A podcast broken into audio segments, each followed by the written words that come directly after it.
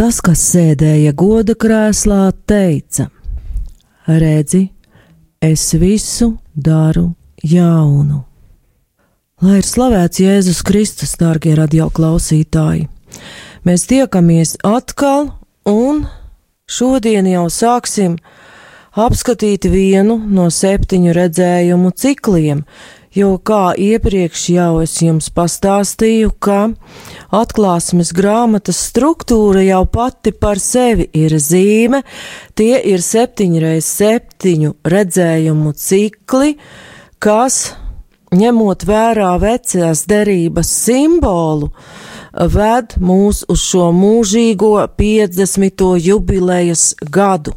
Bet šodien sāksim runāt par pirmo redzējumu ciklu, kas arī ir liela laika zīme, kurā mēs paši esam iekšā, par septiņām draudzēm Āzijā. Tās ir septiņas Jēzus Kristus uzrunas pēc līdzīga modeļa. Kristus atklāja sevi attiecīgajai draudzēji, kā Dievs Viņš tur labajā rokā septiņas zvaigznes un staigā septiņu zelta lukturu vidū. Atkal mēs redzam šo pilnības skaitli, bet atklāsmes grāmatas pirmās nodaļas beigās Jēzus pats vizionāram Jānim paskaidro, kas ir tās septiņas zvaigznes un septiņi zelta lukturi. 1,20 atklāsmes grāmatā noslēpums par septiņām zvaigznēm, ko tu redzēji manā labajā rokā, un par septiņiem zelta lukturiem. Septiņas zvaigznes ir septiņu draugu eņģeļi, un septiņi lukturi ir septiņas zvaigznes. Un, ņemot vērā šī skaitļa simbolu, saprotam, ka ir runa par visu baznīcu līdz laiku beigām, ne tikai par tām konkrētajām draudzēm, un par šo draugu vadītājiem, kuriem ir uzticēta atbildība par tām. Tātad mūsdienu izpratnē jau saprotam, ka visvairāk tie ir bīskapi, bet arī līdzdalīgi ir katrs priesteris šajā atbildībā par uzticēto draudzi. Tas ir pravietisks vēstījums arī ar gudrības literatūras iezīmēm, jo katra fragmenta beigās mēs redzam šo gudrības literatūras ļoti raksturīgo izteikumu. Kam ausis tas lai dzird, ko gars saka draudzēm. Un te ir vērts pievērst uzmanību vēl dažām īpatnībām, kas attiecas tieši uz tulkojumu. Precīzāk būtu teikt, kam auss tas lai dzird, jo grieķu vārds tur ir tulkojams vienskaitlī. Tā tad ir runa par tādu īpašu dzirdi, kas jau ļauj šo Kristus teikto, gan aizrādījums, gan uzslavas, gan mācību, uztvert ar sirdi un sākt to pildīt. Un vēl mēs parasti tulkojumos lasām, ka Kristus saka, es zinu tavus darbus un pūles bet arī šis izteikums nebūs īsti precīzs, jo informatīvā līmenī mēs jau daudz ko varam zināt, bet par kādu kaut ko zināt, tas vēl nedod mums dziļas, pamatīgas attiecības ar šo personu, par kuru mēs kaut ko zinām. Vārds drīzāk bibliskā kontekstā prasās pēc cita tulkojuma pazīstu. Kā Kristus saka, es pazīstu tavus darbus, jo Kristus ir tuvās attiecībās ar katru no šīm draudzēm, un ar visām tām kopumā viņš ir tuvās attiecībās, visdziļākajās attiecībās ar visu baznīcu, kas ir viņa miesa. Svētajos rakstos zināt, pazīt, kādu nozīmē ieiet ar viņu dziļās personiskās attiecībās. Tā tad Kristus ir iedziļinājies katras draudzes sirdsprātā. Jeb eh, tajā, kas notiek šo draugu dziļumos, vai tās ir pār kungu, vai jau sāk atzist pret viņu, vai pat ir kļuvušas remdenas kā Laudikejas draudze. Un vēl mēs varam ievērot, kā Kristus uzrunā šīs draudzes ar ļoti lielu mīlestību, sniedz tām tu, uh, žēlsirdīgu mācību, un Kristus pieeja ir, var teikt, ļoti pedagoģiska. Viņš vispirms dod šo uzslavu kā bērniem, tad viņš pievērš uzmanību arī trūkumiem, un norāda ceļu, pa, ko, pa kādu jāiet, lai draudze atkal atjaunotu šīs dziļās mīlestības attiecības ar Dievu.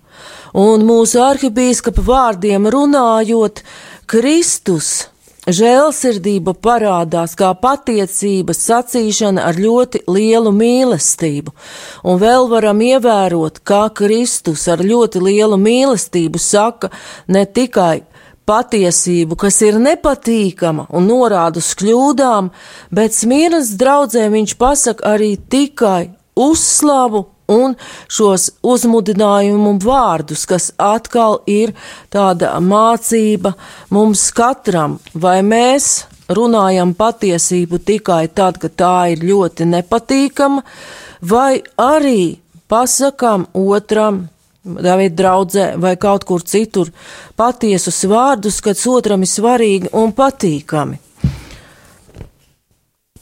Draudzes Āzijā un septiņas vai tad toreiz vēl nebija daudz citu draugu. Bija, bet kā jau minēju, šis septiņi ir pilnības skaitlis un norāda, ka tā ir visa baznīca, Un arī šis uh, apzīmējums, šis vārds Āzija nav gluži tā nejauši gadījies rakstu kontekstā. Tulkojumā tas nozīmē šestvušķa, ja tas būtu tāda svinīga augšu kāpjošā, vai vēl var tulkot kā bozņa paaugstināšana, kas arī norāda uz svētceļojošo baznīcu ceļā uz debesīm. Vēl varam ievērot, ka septiņas zvaigznes ir Kristus labajā rokā, tātad baznīca, un tās ganītāji ir pilnīgā drošībā. Bet tagad mēs varam jau pāriet pie konkrētajām draudzēm. Pirmais vēstījums ir adresēts Efezas draudzēji, Un tas skan tā, Efezes draudzes eņģelim raksti, tā saka tas, kas tur labajā rokā septiņas zvaigznes un kas staigā septiņu zelta lukturu vidū. Es zinu tavus darbus un pūles, tavu pacietību, un ka tu nevari panest ļaunus cilvēkus, un esi pārbaudījis tos, kas saucas par apstuļiem, bet nav, un esi atradis tos par melkuļiem. Tev ir pacietība, Tu esi grūtumu nesis mana vārda dēļ un neesi piekusis. Bet man pret tevi ir tas, ka tu, neesi, ka tu esi atstājis savu pirmo mīlestību. Tad nu pārdomā, no kā tu esi atkritis, atgriezies un dari pirmos darbus, bet ja ne, tad es nākšu pie tevis un nostumšu tavu lukturi no tā vietas, ja tu neatgriezīsies. Bet tas tev ir, ka tu ienīsti Nikolaitu darbus, ko es arī ienīstu kam ausis tas lai dzird, ko gars saka draudzēm, tam, kas uzvar, es došu ēst no dzīvības koka, kas ir dieva paradīzē. Un pēc līdzīga modeļa ir veidotas arī pārējās sešas uzrunas šīm mazāzijas draudzēm. Efeza, antīkajā pasaulē, visai pazīstama pilsēta, Šis vēstījums atklāsmes grāmatā ir lasāms otrajā nodaļā no 1 līdz 7 pantam, un to es nu pat izlasīju. Tajā pilsētā bija arī antīkajā pasaulē ļoti tāds pazīstams pagānisks svētums, Artemīdas templis, un Apustuļu darbos 19. nodaļā, 19. pantā mēs varam izlasīt, ka tur nodarbojās ar dieva aizliegtām lietām.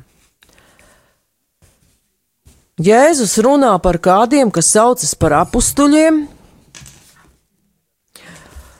Grūti pateikt no šīs dienas skatu punkta, kas tie varētu būt. Varētu būt gnostiķi, kuri tiecas sapludināt pagānismu ar kristietību. Pat tādā nozīmē, ka cilvēks ar zināšanām pats sev var iegūt atpestīšanu. Un kas tad ir šīs draudzes galvenais trūkums? Jēzus iepriekš uzslavē šo pacietību, ka draudzene cīnās par kunga vārdu, nav piekususi, bet īsā teikumā Jēzus pasaka, man pret tevi ir tas, ka tu esi atstājis savu pirmo mīlestību.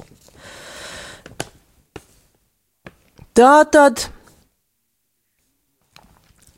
draudzes dedzība ir apdzisusi, un varam saprast, kādos divos līmeņos to, kas tad tur varbūt ir noticis. Draudzē ir rosīga, aktīva, tā varētu mēs pieņemt, viss darbojas, bet notiek pienākuma apziņas vārdā, tāpēc, ka tā vajag. Tā ir pieņemts. Kristīgā draudzē tā ir jābūt, bet tas notiek bez mīlestības pret Kristu un savu tuvāko. Un vēl Tas iespējams kā formāla kristietība, farizeiskums, ka tiek ļoti strikti ievērota ārējā forma.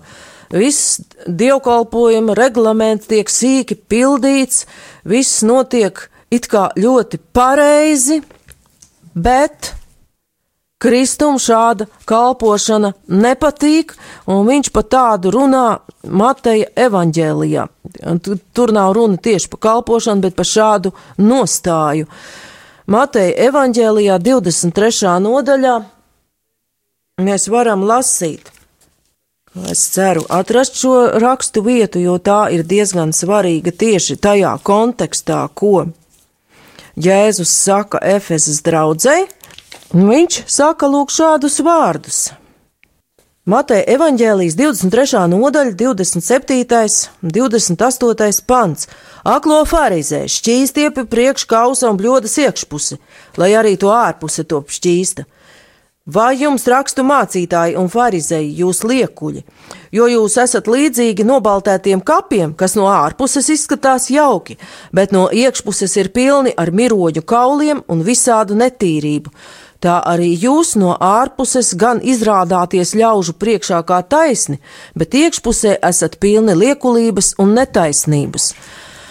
Tātad no Kristus pārmetuma varam secināt, ka kaut kas līdzīgs var notikt, varbūt ir noticis arī Efezas draudzē, un tā var zaudēt dieva žēlastību, par ko runā šis brīdinājums, ka draudzes lukturis var tikt nostumts no tā vietas. Tātad draudzē ir mīlestības darbu trūkums, un kā apustulis Pāvils pirmā vēstulē korintiešiem 13. nodaļā, kas ir slavenā himna mīlestībai, pasaka, ka nekādi darbi, lai tā būtu varana ticībai vai varana nodo, dzīvības nodošana par citu, kad eh, sadedzina sārtā, ja tur nav mīlestības, ja nav šī mīlestības koda, tad tas ir bez vērtības Dieva acīs. Bet Jēzus draudzi neatstāja bez padoma. Viņš to aicina atgriezties, un jaunajā derībā šis vārds metanoja nozīmē sirds nostājas maiņu. Tātad Jēzus aicina atgriezties pie šīs pirmās mīlestības. Un katra vēstījuma beigās viņš dod arī apsolījumu, un šai draudzēji Jēzus apsola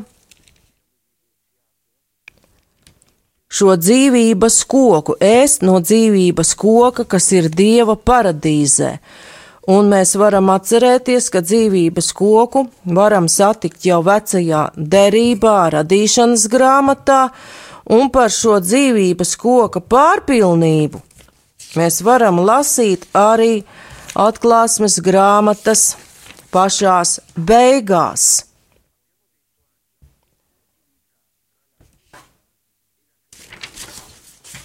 Kur ir jau aprakstīts, ka dzīvības koks ir abās pusēs šīs zelta pilsētas ielām, un tātad šī dzīvība jau būs pārpilnībā. To mēs varam izlasīt atklāsmes grāmatā 22. nodaļā, un to arī izdarīsim, lai mēs varam labāk pat to priekšā stādīties, kā tas būs. 22. nodaļa, 2. pants. Viņas ielas vidū un upei abās pusēs bija dzīvības koks, tas nesa augļus 12 reizes katru mēnesi savu augli, un viņa lapas bija tautām par dziedināšanu. Tad atklāsmes grāmata parāda dzīvības koku jau daudz vairāk un daudz dziļāk raksturo šo dzīvības pārpilnību nekā tas bija radīšanas grāmatā. Pēc vēstījuma Efezes draudzē seko vēstule Smirnas draudzē, kas ir vienīgā, kura nesaņem nekādu pārmetumu no kunga. Vēstījums ir īss. Kristus sevi šai draudzē atklāja kā pirmais un pēdējais, kas bija miris un tapis dzīves, no kā mēs saprotam, ka šai draudzē, kura ir nabadzīga, ir pārbaudījumos Jēzus parādās kā vēstures iesācējs un pabeidzējs, alfa un omega, kas ir šie grieķu alfabēta sākums, pirmais un pēdējais burts, miris un dzīvs. Tātad viņš ir klātesošs pilnīgi visā cilvēces vēstures gaitā, Viņš ir gan cilvēks, gan dievs, jo kā cilvēks viņš mira pie krusta, un kā dievs ir mūžīgi dzīves, un kā tāds viņš atklājas draudzēji, ka ir klātesošs arī šajā nabadzībā. Un par šīm grūtībām un nabadzību Jēzus pasaka vienu īsu teikumu: Es zinu tavus grūtumus, jeb kā jau mēs noskaidrojām, precīzāk būtu, es pazīstu tavus grūtumus un nabadzību, bet tu esi bagāts. Tā tad draudzene ir bagāta dievā, un varam šo nabadzību saprast divējādi. Iespējams, ka draudzene bija materiāli nabadzīga, bet atzina sevi arī par garā nabagu, kā Jēzus saka kalna. Svētībā svētīgi garā nabagie, ka šī draudze bija spējīga atzīt, ka tā pilnīgi visu saņem no Dieva. Jēzus min arī to, kas draudzes darbību traucē, ka ir kādi, kas saucas pa jūdiem, kas ir sātana sinagoga, Tā tad, acīm redzot, tie ir kādi, kas vajā šo draugu, bet nedaudz vairāk pievērsīsimies tam, kas ir teikts par šo pārbaudījumu. Tad Jēzus ir draugi uzslavējis, redzam, ka draudzene ir cietusi grūtības, bet Jēzus brīdina par vēl vienu pārbaudījumu ka būs bēdas desmit dienas. Un šajās desmit dienās ir ietverts ļoti simbolos bagāts vēstījums. Mēs varam saprast vispirms desmit dienas, tātad tas ir ierobežots laiks un notiek pilnīgi dieva kontrolē. Jo, ja atceramies no vecās derības īģapa grāmatu, kā arī tur dievs Ļaunajam garam sātanam ļauj darboties tikai paša dieva noteiktās robežās. Vēl ar ko šis skaitlis mums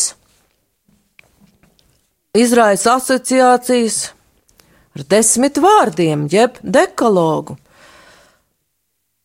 Tātad desmit dienas varētu attiekties arī uz ierobežoto mūsu dzīves laiku, ko, ko nosaka dekalogs, kā mums vajadzētu dzīvot, un uz mūsu nespēju pašu spēkiem šo likumu pildīt. Šis pārbaudījums tad var būt cīņa, kad likumā mācītājs mūsos cīnās ar mūsu tieksmēm, uz ļaunu, ko sagādā piecas maņas. Tad radīšanas grāmatā mēs pirmajā nodaļā lasām, ka Dievs radīja cilvēku kā vīrieti un sievieti. Un gan vīrietim, gan sievietei ir šīs piecas maņas, kuras sagādā viņiem šos pārbaudījumus un kārdinājumus, tātad abiem kopā jau ir šīs desmit maņas. Kā tā domā baznīcas tēvi, ka arī tā to varētu skaidrot. Taču mēs varam saprast, ka Dievs šajos pārbaudījumos, kas ir ierobežotu laiku, neatkarīgi vai tas attiecas uz kādu laika periodu konkrētās draudzes dzīvē, vai tas attiecas uz mūsu katra dzīvi, kas tomēr ir ierobežota laikā, Dievs ir klāt šajos pārbaudījumos. Un draudzēji tiek dots ļoti liels apsolījums. Esi uzticīgs līdz nāvei, tad es tev došu dzīvības vainagu. Ir lietots grieķu sporta termins, bet attiecas tas uz visu šo baznīcas uzvaru. Un tālāk ir šis aicinājums klausīties, ko gars saka draudzēji, un noslēgumā Jēzus vēl tuvāk runā par tām sekām, ko dod šī uzvara un dzīvības vainags, ka to, kas uzvar, neievainos otrā nāve. Par otro nāvi mēs varam izlasīt atklāsmes grāmatas beigās, un tur varam saprast, ka tā ir runa par mūžīgu nāvi, par mūžīgu atšķirtību no dieva. Tad atklāsmes grāmatas beigas, 20. nodaļa.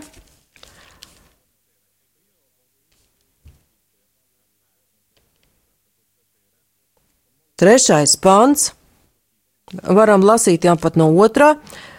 Viņš satvēra puķi, veco čūsku, kas ir velns un sātans, un sasēja tos tūkstošu gadiem, iemeta to bezdibenī, aizslēdza to un uzlika zīmogu virsū, lai tas nepieviltu vairs tautas, kamēr būs pagājuši tūkstoši gadi. Pēc tam viņam uz īsu laiku jātop atsvabinātam. Tātad šeit šis ievada it kā vēstījumu par šo otro nāvi. Šajā epizodē, kad šis puķis tiek iemests un ieslodzīts, mēs redzam baznīcas laiku, ka puķis gan ir saistīts, bet vēl kaut ko spēj.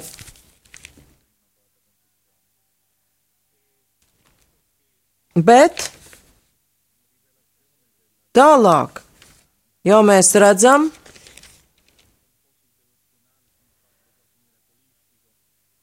atkārtojumu vārdiem par uzvaru 21. nodaļā, 7. pantā. Un tur ir runa par dzīvā ūdens iemantošanu, kas uzvar, tas to iemantos, un es būšu viņa dievs, un viņš būs mans dievs bet bailīgajiem, netica, neticīgajiem, apgānītajiem, slepkavām, netikļiem, burvjiem, elku kalpiem un visiem melkuļiem būs sava daļa degošā sēra uguns jūrā, tā ir otrā nāve. Tātad šajās grāmatas pēdējās nodaļās ir arī paskaidrots, kas ir šī otrā nāve, kā radība, kas ir noraidījusi šķīstīšanu, ar uguni turpina tajā degt. Tātad šeit Jēzus runā par šo turēšanos pie viņa un uzticību kā tādu garantiju, ka šo uzticīgo draugu nepaņems šī otrā nāve. Kā trešā draudzene, kura Jēzus raksta savu vēstījumu, ir Pergamas draudzene. Un tur Kristus ir parādīts ar apusgriezīgu zobenu, kas ir Dieva vārda spēks, un ar šo zobenu varam saprast, un šo apusējo griezīgumu, veco un jauno derību. Pērgama pazīstama pagānu kultu vieta, un apmēram 129. gadā pirms Kristus tā bija Romas Āzijas provinces galvaspilsēta. Un kāpēc ir teikts, ka tā ir pilsēta, kur sātana, tron, sātana tronis?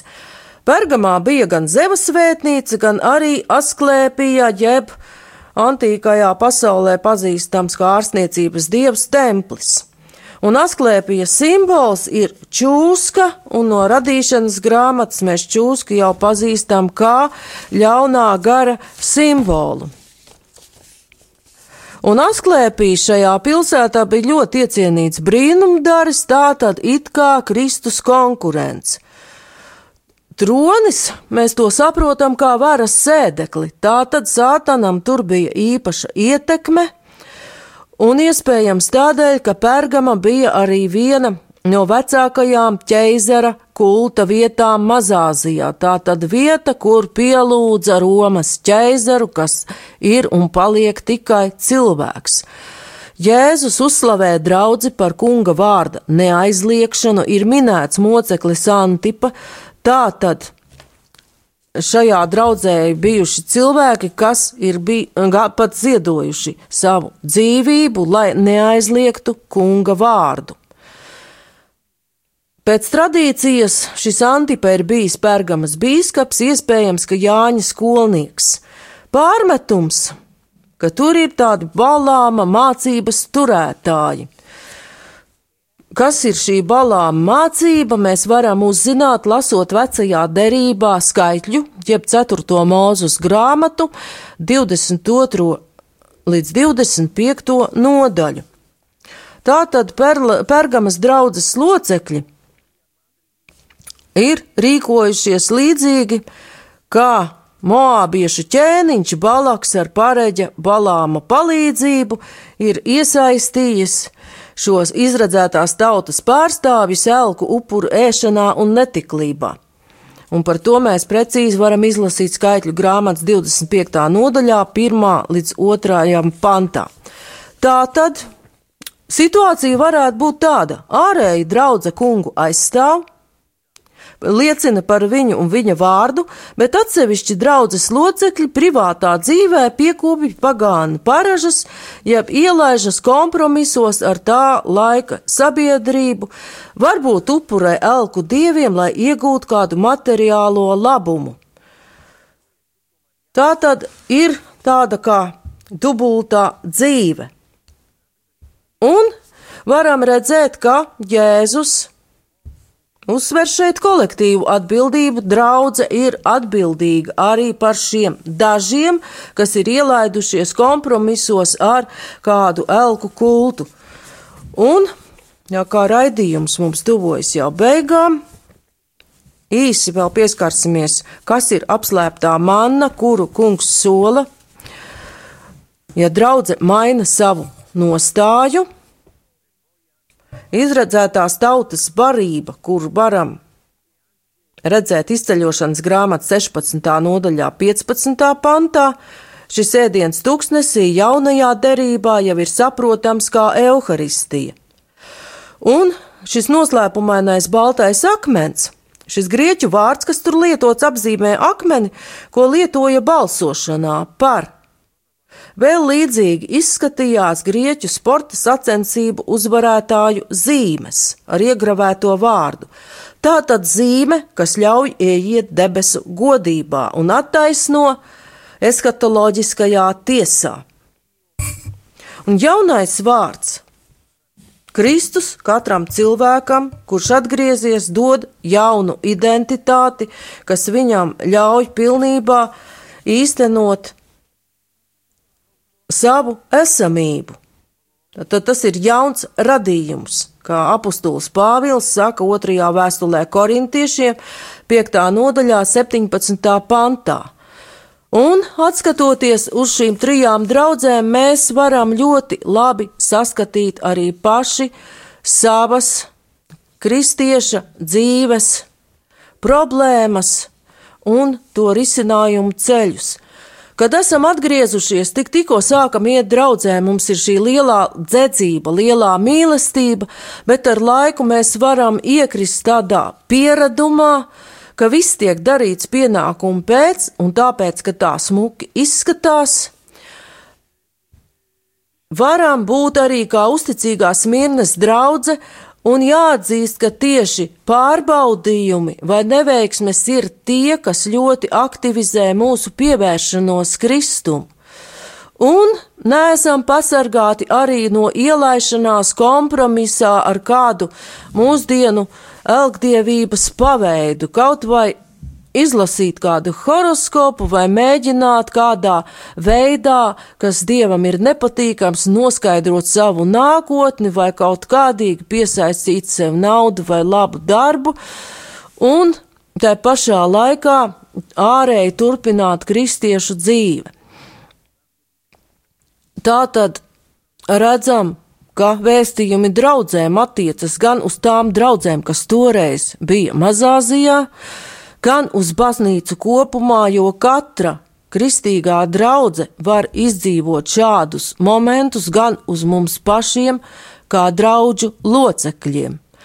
Bet nākamajā raidījumā jau pievērsīsimies pārējām četrām draudzēm, kurus uzrunā Jēzus. Un ar jums studijā bija Stela.